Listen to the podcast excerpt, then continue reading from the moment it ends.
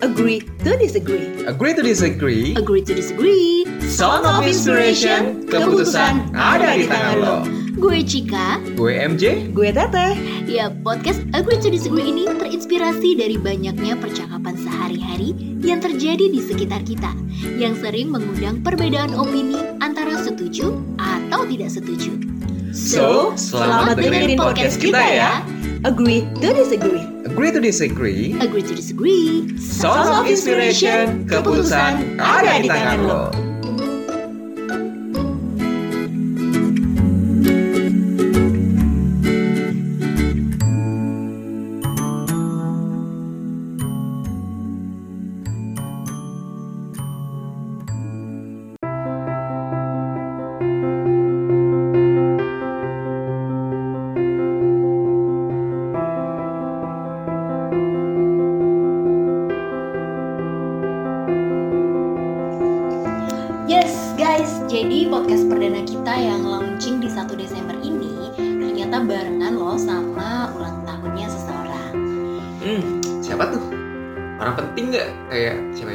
Mas Break atau bisa? Hmm, Anies bukan, Baswedan? bukan. Hmm, bukan, bukan, bukan, bukan. Ah, Oh, siapa ya?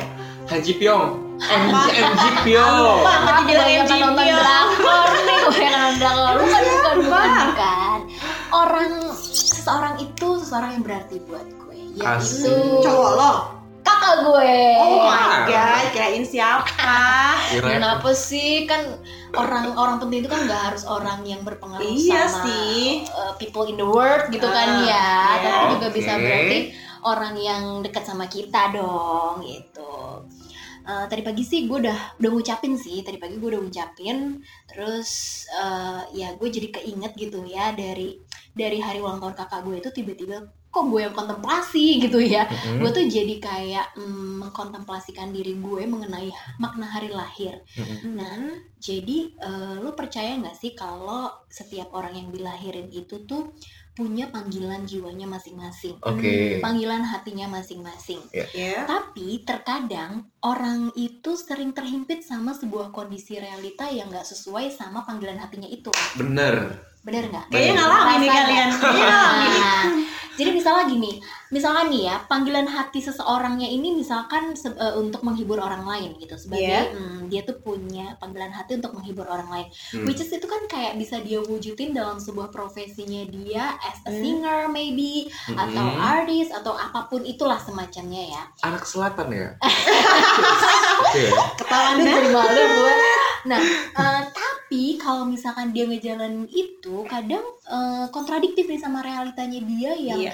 dia tuh butuh kebut eh, apa ya butuh nafkah untuk kebutuhan hidup sehari-harinya Mm. yang mungkin tidak bisa didapat dari situ. Oke. Nah, jadi dia tuh yang kayak akhirnya kerja kantoran gitu Mm-mm. kan ya, dapat nafkah dari situ. Nah, tapi dia akhirnya menyampingkan si panggilan hatinya itu. Oh. Gak sabar nih mau ngomong.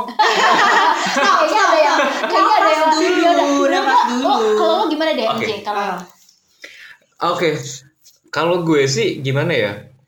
Eh, memang mirip banget nih kayak yang tadi lo ceritain Hmm, hmm, antara panggilan jiwa Hmm. dan realita. Iya. hmm. Nah, sejujurnya kalau pekerjaan gue yang sekarang itu awalnya banget tuh nggak sesuai dengan panggilan jiwa gue sendiri. Kan.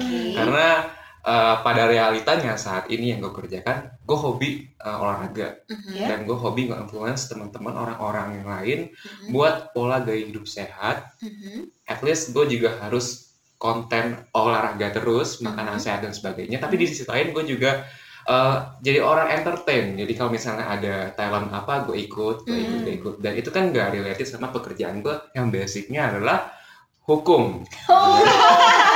Tapi panggilan Ah. jiwa lo tuh apa sebenarnya?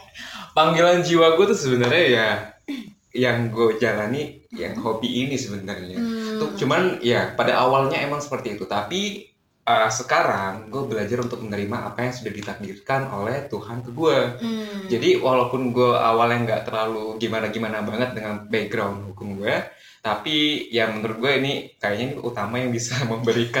oh. Lo duit, Iya, iya, iya. Lo benar. makan. Iya. Jadi gitu ya makanya jadi gue ngerasa kayak gue terlahir di dunia untuk dibentuk oleh Tuhan seorang yang multi talent gitu nggak sih? Iya. Iya gak sih? Oh, iya, Nyesel nggak iya, kalian temen sama gue? iya. ya kan? Gak nyesel lah ya, gak gak nyesel gak ya. Iya, jadi One gitu lah Ci. hero. Oh, gitu. gue belajar untuk keluar dari zona nyaman, gue melakukan hal itu di Hmm. sebagai sampingan gue sendiri. Dan pada akhirnya gue bisa menyeimbangkan dua-duanya. Hmm. Berarti bisa dibilang, bisa dibilang lo sebenarnya di pekerjaan utama lo itu tidak menggambarkan panggilan jiwa lo.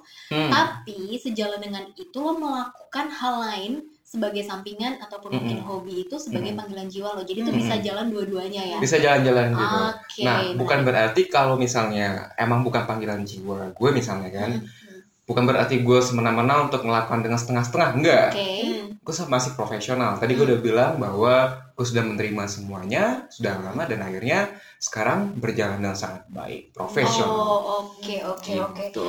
Eh, ketika lo ngejalanin eh, pekerjaan lo tuh yang tadi dihukum itu tuh eh, lo eh, nyaman gak sih tapi atau kontradiktif sama hati? Oke, kalau misalnya pada pada awalnya itu gue kuliah, oh ya udah akhirnya gue kuliah hukum, ya gue jalanin aja itu semua. Ngerasa gitu. salah jurusan juga gak sih?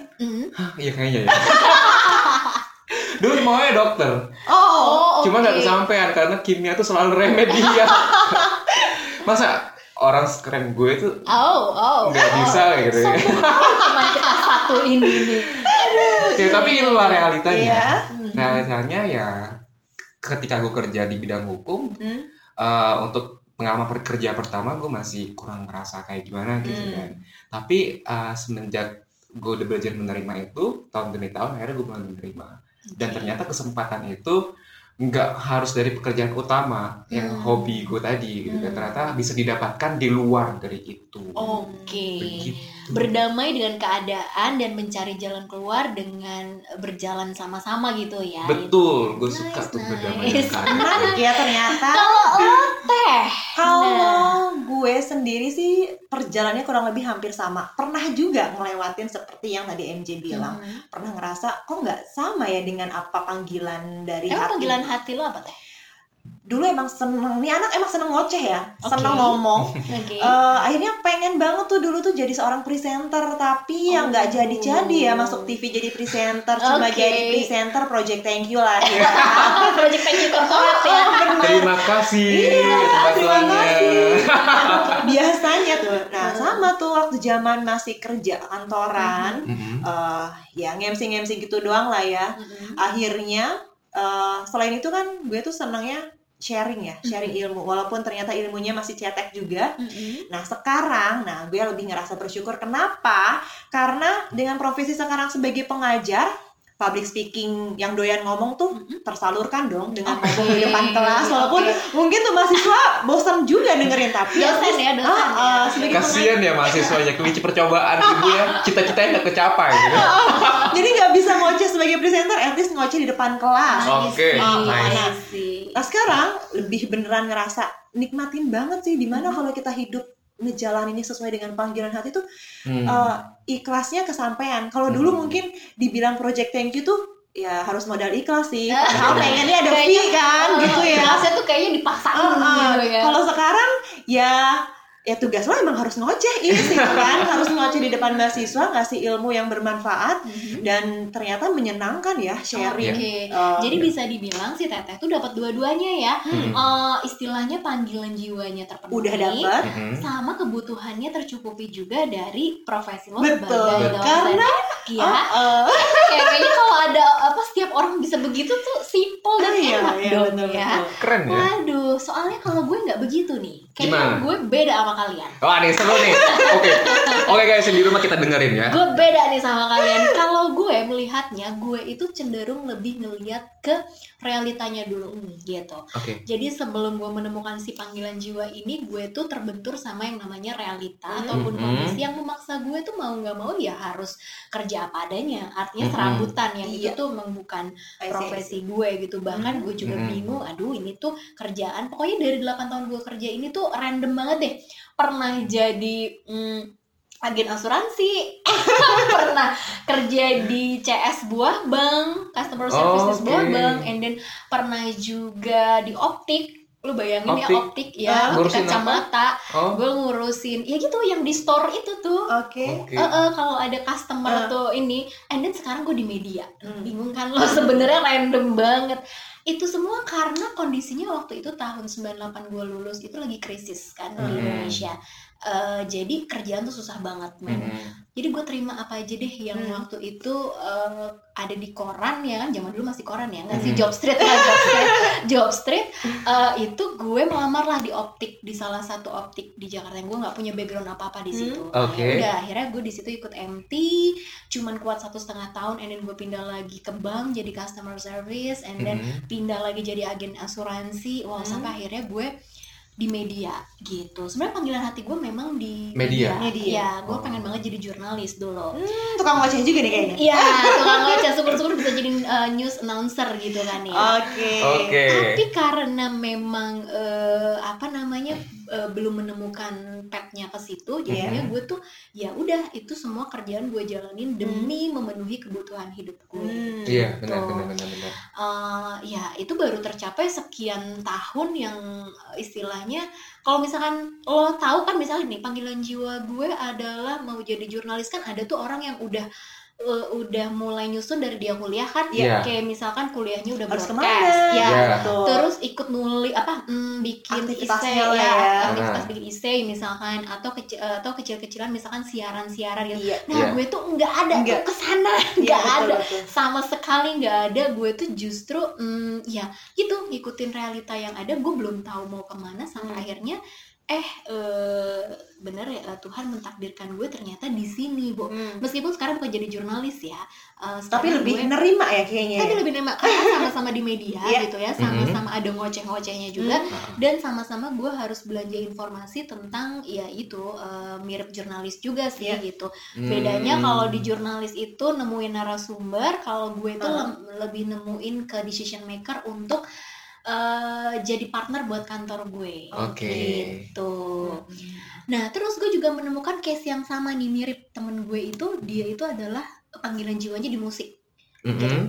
dia tuh pemain gitar yang oke banget Iya. Mm-mm. tapi dia tuh eh, nggak mau tapi dia kerjanya bukan as a musician kerjanya Oh. justru eh, ya ini karena dia terhimpit masalah ekonomi ya Iya. sehingga dia kerjanya itu eh, waktu itu jadi security Oh, jauh Gitu, banget ya. kan jauh banget Jomplang ya. karena kalau misalnya dia as a musician itu eh, kayaknya compete-nya itu tuh agak susah. Ah, oke. Terus udah gitu cukup idealis juga kan orangnya. Nah, gitu. Jadi kadang-kadang kita mau idealis uh, Iya. ngikutin panggilan hati, Iya. tapi di sisi lain kayak harus memenuhi realita, Iya. memenuhi benar. kebutuhan itu tuh kan hal yang dilema banget Mm, kan. iya. Nah, makanya uh, baiknya gimana ya kalau pasti apa ya? Menurut menurut gue sih pasti endingnya seseorang itu balik dulu ke urgensinya. Oke. Iya, benar. Pasti dia mikirin, gue sekarang lebih butuh mana sih, Hmm. gitu kan? Iya. Pasti yang paling duluan dikerjain kan urgensitasnya dulu. Iya. Nah mungkin terhimpitnya itu ya, kayaknya gue mendingan ngerjain ini dulu deh, karena Iya. ini duluan di depan mata dan bisa Iya. ngasih penghidupan buat gue. Iya. Ya, Tapi pelan-pelan nanti sambil dicari gitu Iya, kan benar. ya. Iya. ya walaupun ada sih tipe orang yang idealisme dia tetap dengan pendiriannya Hmm. dia nggak mau ngelakuin apa pun walaupun realistisnya dia sangat membutuhkan hal Mm-mm. itu tapi dia tetap bertahan tetap bertahan Mm. tapi ada cuman sejauh ini saya ngeliat eh, gue ngeliat gue atau saya ya karena ya Gue aja lah. Aja deh. oh sorry teh kita ngomongnya sama anak selatan Oh iya, makanya kita ngikutin dong. iya jadi eh, gue banyak ket- ketemu sama orang kenal sama orang rambut warna hitam warna Ah, apa cuman mereka nasibnya juga beda-beda ada yang tetap hingga detik ini bertahan ada teman gue juga kayak gitu Bertahan apa nih maksudnya? bertahan uh, idealis dia tidak mau mengikuti realistis tapi dia Oh, mengikuti panggilan. hati Misalnya apa? Misalnya dia menerima pekerjaan yang maaf banget pekerjaannya itu hasilnya tidak mencukupi untuk kebutuhan sehari-hari Oh, oke. seperti seperti itulah kira-kira Mhm. kalau gue lihat ya sangat gimana ya antara prihatin tapi bangga dia bisa mempertahankan Hmm. apa yang Ah. yang mau itu. tapi realistisnya ya seperti itu Tapi keluarganya nggak komplain, alhamdulillah sih keluarganya ya nerima. easy going aja sih dia Oh. nggak nggak gimana gimana Gak ada tuntutan lah ya. iya betul Hmm. ada seperti itu tapi ya kebanyakan yang gue lihat ya teman-teman yang kebetulan realistis termasuk gue sih salah satunya ya realistis lah ya tapi bisa dibilang kalau lo kan realistis tapi sudah menemukan way outnya kan Iya, untuk, betul. untuk Ngejalani. ngejalanin Hmm, berbarengan kan betul sebenarnya. sekali Ah, I see, I see. Mm-mm. Kalau kalau si Teta kan emang pure ya, Pure. itu emang pure sesuai panggilan Betul. jiwanya. Kalau Iya. gue sih jujur eh, masih berusaha menuju Mencari ke sana dan juga, menuju. menuju ke sana juga menuju Ah. mencari keseimbangan itu. Iya. Tapi memang bisa dibilang yang eh, sekarang tempat gue kerja ini ya sudah udah Cukup. mengarah lah ya ya mengarah Udah ke mengarah sana ya? ke jalan yang benar jalan yang benar cukup nyaman Iya. gitu kan ya dan gue juga bertahan cukup lama di sini dan gue ternyata punya waktu juga untuk melakukan tadi Nah, Hobi-hobi. Hmm, hobi-hobi yang ternyata gue suka yang juga Mm-mm. mungkin itu a part of panggilan jiwa itu Yes. kali ya Iya, that's right. gitu. berarti luar biasa ya Hmm. eh, Cik jawaban itu terjawab 8 tahun Delapan Hmm. tahun lama ya Mm-mm. makanya orang tuh ya kalau dia prepare dengan tujuan hidupnya untuk menentukan milestone tuh dia kan butuh waktu lama. Nah, Mm-mm. benar tadi yang tadi Cika bilang, dia pengen jadi jurnalis, tapi Mm-mm. sejak SMA, sejak kuliah dia tuh nggak tahu harus mengijak uh, jalan yang mana. Coba kalau misalkan preparing benar-benar dari awal, Yes. oke. Iya. Jadi harus ikut kegiatan apa, komunitas apa, membentuk Iya. portofolio dari awal, Hmm. kayaknya nggak akan butuh sampai 8 tahun. Mungkin Betul. 2-3 tahun bisa gitu kan. iya benar Betul. benar Itu sih Betul. ya. Hmm, hmm. 2008 ke 2002 eh 2008 ke 2013 itu berapa tahun sih? 2008 sampai Ke 2013. aduh matematika anak Ya udah, udah. 5 tahun ya? Iya, betul. Oh, berarti Iya. bukan 8 tahun nih, 5 tahun ya? gua 5 tahun koreksi ya. cukup lama sih Ya, sebenarnya juga cukup lama kan ya sebenarnya. Iya, iya, iya. Ya sih benar-benar dulu gue ini sih kebanyakan pilihan ya anaknya. Kayaknya tuh mau ini pengen ini pengen ini Oh. jadinya bingung ini mana sih yang sesuai sama hati Iya, gue Iya. gitu betul, kan. betul. Iya. Mungkin banyak juga ya eh, para sahabat kita yang ngalamin hal yang sama kayak Hmm. kita ya. betul sama Terutama mereka-mereka yang kayak baru lulus, apa nih Mm-mm. kira-kira? Mm-mm. kerja di mana gitu kan kayak Yes. ya belum tahu lah. ini. Tapi by the Iya. way ini pertanyaan nih, ada satu pertanyaan. Emang menurut lo panggilan hati itu ha, rela- apa selalu berkorelasi sama namanya profesi ya? Bukannya itu sesuatu hal yang beda? Maksudnya apakah harus selalu ditunjukkan lewat sebuah Profesi. profesi? Hmm. Mhm. Hmm. Padahal kan eh, namanya panggilan hati itu tidak harus berhubungan sama profesi Iya. misalnya. Mm-mm. Tidak harus berhubungan sama profesi. Hmm. Mm-mm. Misalkan panggilan hati lo adalah menolong eh, orang gitu kan Mm-mm. kan nggak harus jadi pekerja sosial juga Iya. misalkan Iya. lo ketika kerja di mana eh, misalkan yang harusnya identik sebuah perusahaan itu saling sikut-sikutan ya kan berpolitik tapi lo punya sense of helpful yang tinggi itu Hmm. panggilan hati itu bisa disebut panggilan hati nggak Ya betul, itu bisa ya. Jadi kalau gue harus jawab pertanyaan Cika, Hmm. harus nggak sih uh, panggilan hati itu adalah sebuah profesi yang dijalankan oleh seseorang? Menurut gue sih nggak harus ya. nggak Hmm. harus kan? Kalaupun ada nemu yang ternyata sejalan, ya contohnya gue sekarang lah ya, gue Hmm. sekarang, gue sekarang ya emang udah pas banget nih profesi gue ada sesuai panggilan hati gue. Tapi Hmm. gue sebelumnya kalau hitung mundur pernah juga ngalamin yang mirip MJ ataupun mirip Cika. Mm-mm. Waktu gue masih di bengkir, ya gue as a karyawan kan, cuma pegawai ya berangkat pagi pulang sore bahkan Mhm. pulang malam kalau di bank gitu kan. Tapi gue senang buat berbagi ilmu, makanya jadi sering tuh jadi volunteering uh, di dunia kependidikan, Hmm. jadi Hmm. pengajar-pengajar di daerah misalkan, Iya. atau sama komunitas yang emang uh, wadahnya untuk memberikan aktualisasi diri gue nih karena gue Oke. tuh senangnya untuk uh, bersosial jadi nggak harus ya nggak harus Iya. sebagai profesi nah kebetulan karena gue lama kelamaan kok kayaknya pegawai doang gimana ya nggak pengen sesuatu Uh-uh. gitu akhirnya ya. banting setir lah karena kebetulan ya ada jalan yang menuju gue sebagai seorang dosen pengajar akhirnya move lah bener-bener totally sekarang sebagai pengajar Nah jadi Hmm. ya mungkin kalau dilihat sekarang profesinya pengajar dan sekaligus ini adalah panggilan hati ya ini udah jalan yang benarnya gue. Hmm. Tapi gue sebelumnya pernah juga ada di persimpangan yang kayaknya ini bukan gue deh. Cuma sekarang udah bener nih. Itu versi gue sih Cik. Hmm. Oke, oke. Iya. Oke, ba- berarti panggilan hati itu tidak selalu profesi ya. selalu. Panggilan hati gue eh, mungkin kalau jurnalis itu kan lebih kayak ke profesi. Nah, sebenarnya kalau balik di deep in lagi, Mm-mm. mungkin panggilan hati gue adalah giving something to Yeah. other people ya. Yes, Giving right. something to other people. Kalau jurnalis itu konteksnya giving information, Ya, kalau gue sekarang as a marketing di sebuah perusahaan ini adalah giving pendapatan dong ke perusahaan yang mana itu Hmm. menjadi uh, uh, bakalan bisa jadi salary-nya karyawan-karyawan yang ada di situ kan marketing Iya. kan backbone-nya sebuah perusahaan kan? nah itu makna giving something-nya karena gini kalau misalkan gue mau ngitungin profesi gue as a marketing kayaknya gue nggak bakal betah deh Iya. karena bener-bener beda kan Ah. jurnalis marketing itu kan kayak hmm, ketika lo harus mikirin jualan-jualan itu kan kayak Hmm. sesuatu tapi ternyata sesuatu yang bikin gue bertahan itu adalah maknanya tadi giving somethingnya itu gitu. Dengan panggilan hati yang giving something itu berarti gue tuh sudah memberikan marketing ini kan memberikan pendapatan perusahaan yang which is itu memberikan pendapatan juga ke masing-masing orang. Mm-mm, nah itu iya. sih gue pada akhirnya mendalami lagi makna yang lebih dalam dari apa yang dijalanin Iya. gitu. Ini kita buat podcast juga salah satu bagian dari jurnalis deh. Oh iya iya. Karena menyiarkan Iya. informasi lah ya. Inspirasi dan motivasi. Dan ya. salah satu bagian dari entertainer dan yang gue lakonin juga Oh, sebenarnya. oke. Benar benar benar benar. Oke, jadi kita sampai pada sebuah kesimpulan ya. Hmm. Eh, kesimpulannya jadi eh, dari panggilan dari topik kita hari ini, panggilan hati versus eh, realita ini ternyata eh, sebaiknya memang kita eh, apa namanya? Sebaiknya kita memang menjalankan hidup ini tentunya dengan panggilan hati ya.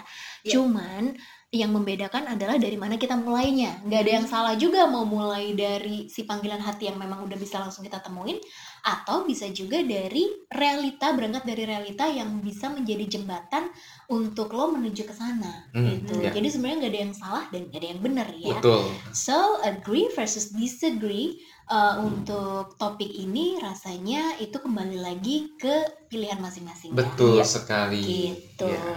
Oke, so kalau gitu kita pamit undur diri dulu kali ya di podcast kita di Cepet episode banget hari ini. ya. Cepet banget ya.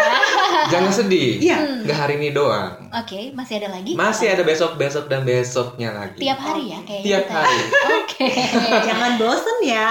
Ya, ya, karena kita memang 30 hari ke depan nih kita lagi ikutan challenge 30 hari bersuara Hmm. yang setiap harinya kita akan upload eh, podcast ini ya. Mm-mm. Gitu. Nah, besok di tanggal 2 kita mau bahas apa topiknya? Awal mulanya pandemi, WFO versus WFH. Nah, so para sahabat eh, tungguin podcast kita ya. Eh, semoga ini bisa memberikan inspirasi dan motivasi. Oke, em, yuk kita tutup dulu yuk. Em, gue Cika. Gue MJ. Dan gue Tete. See you next to Agree to Disagree. Disagree. Bye-bye. Salam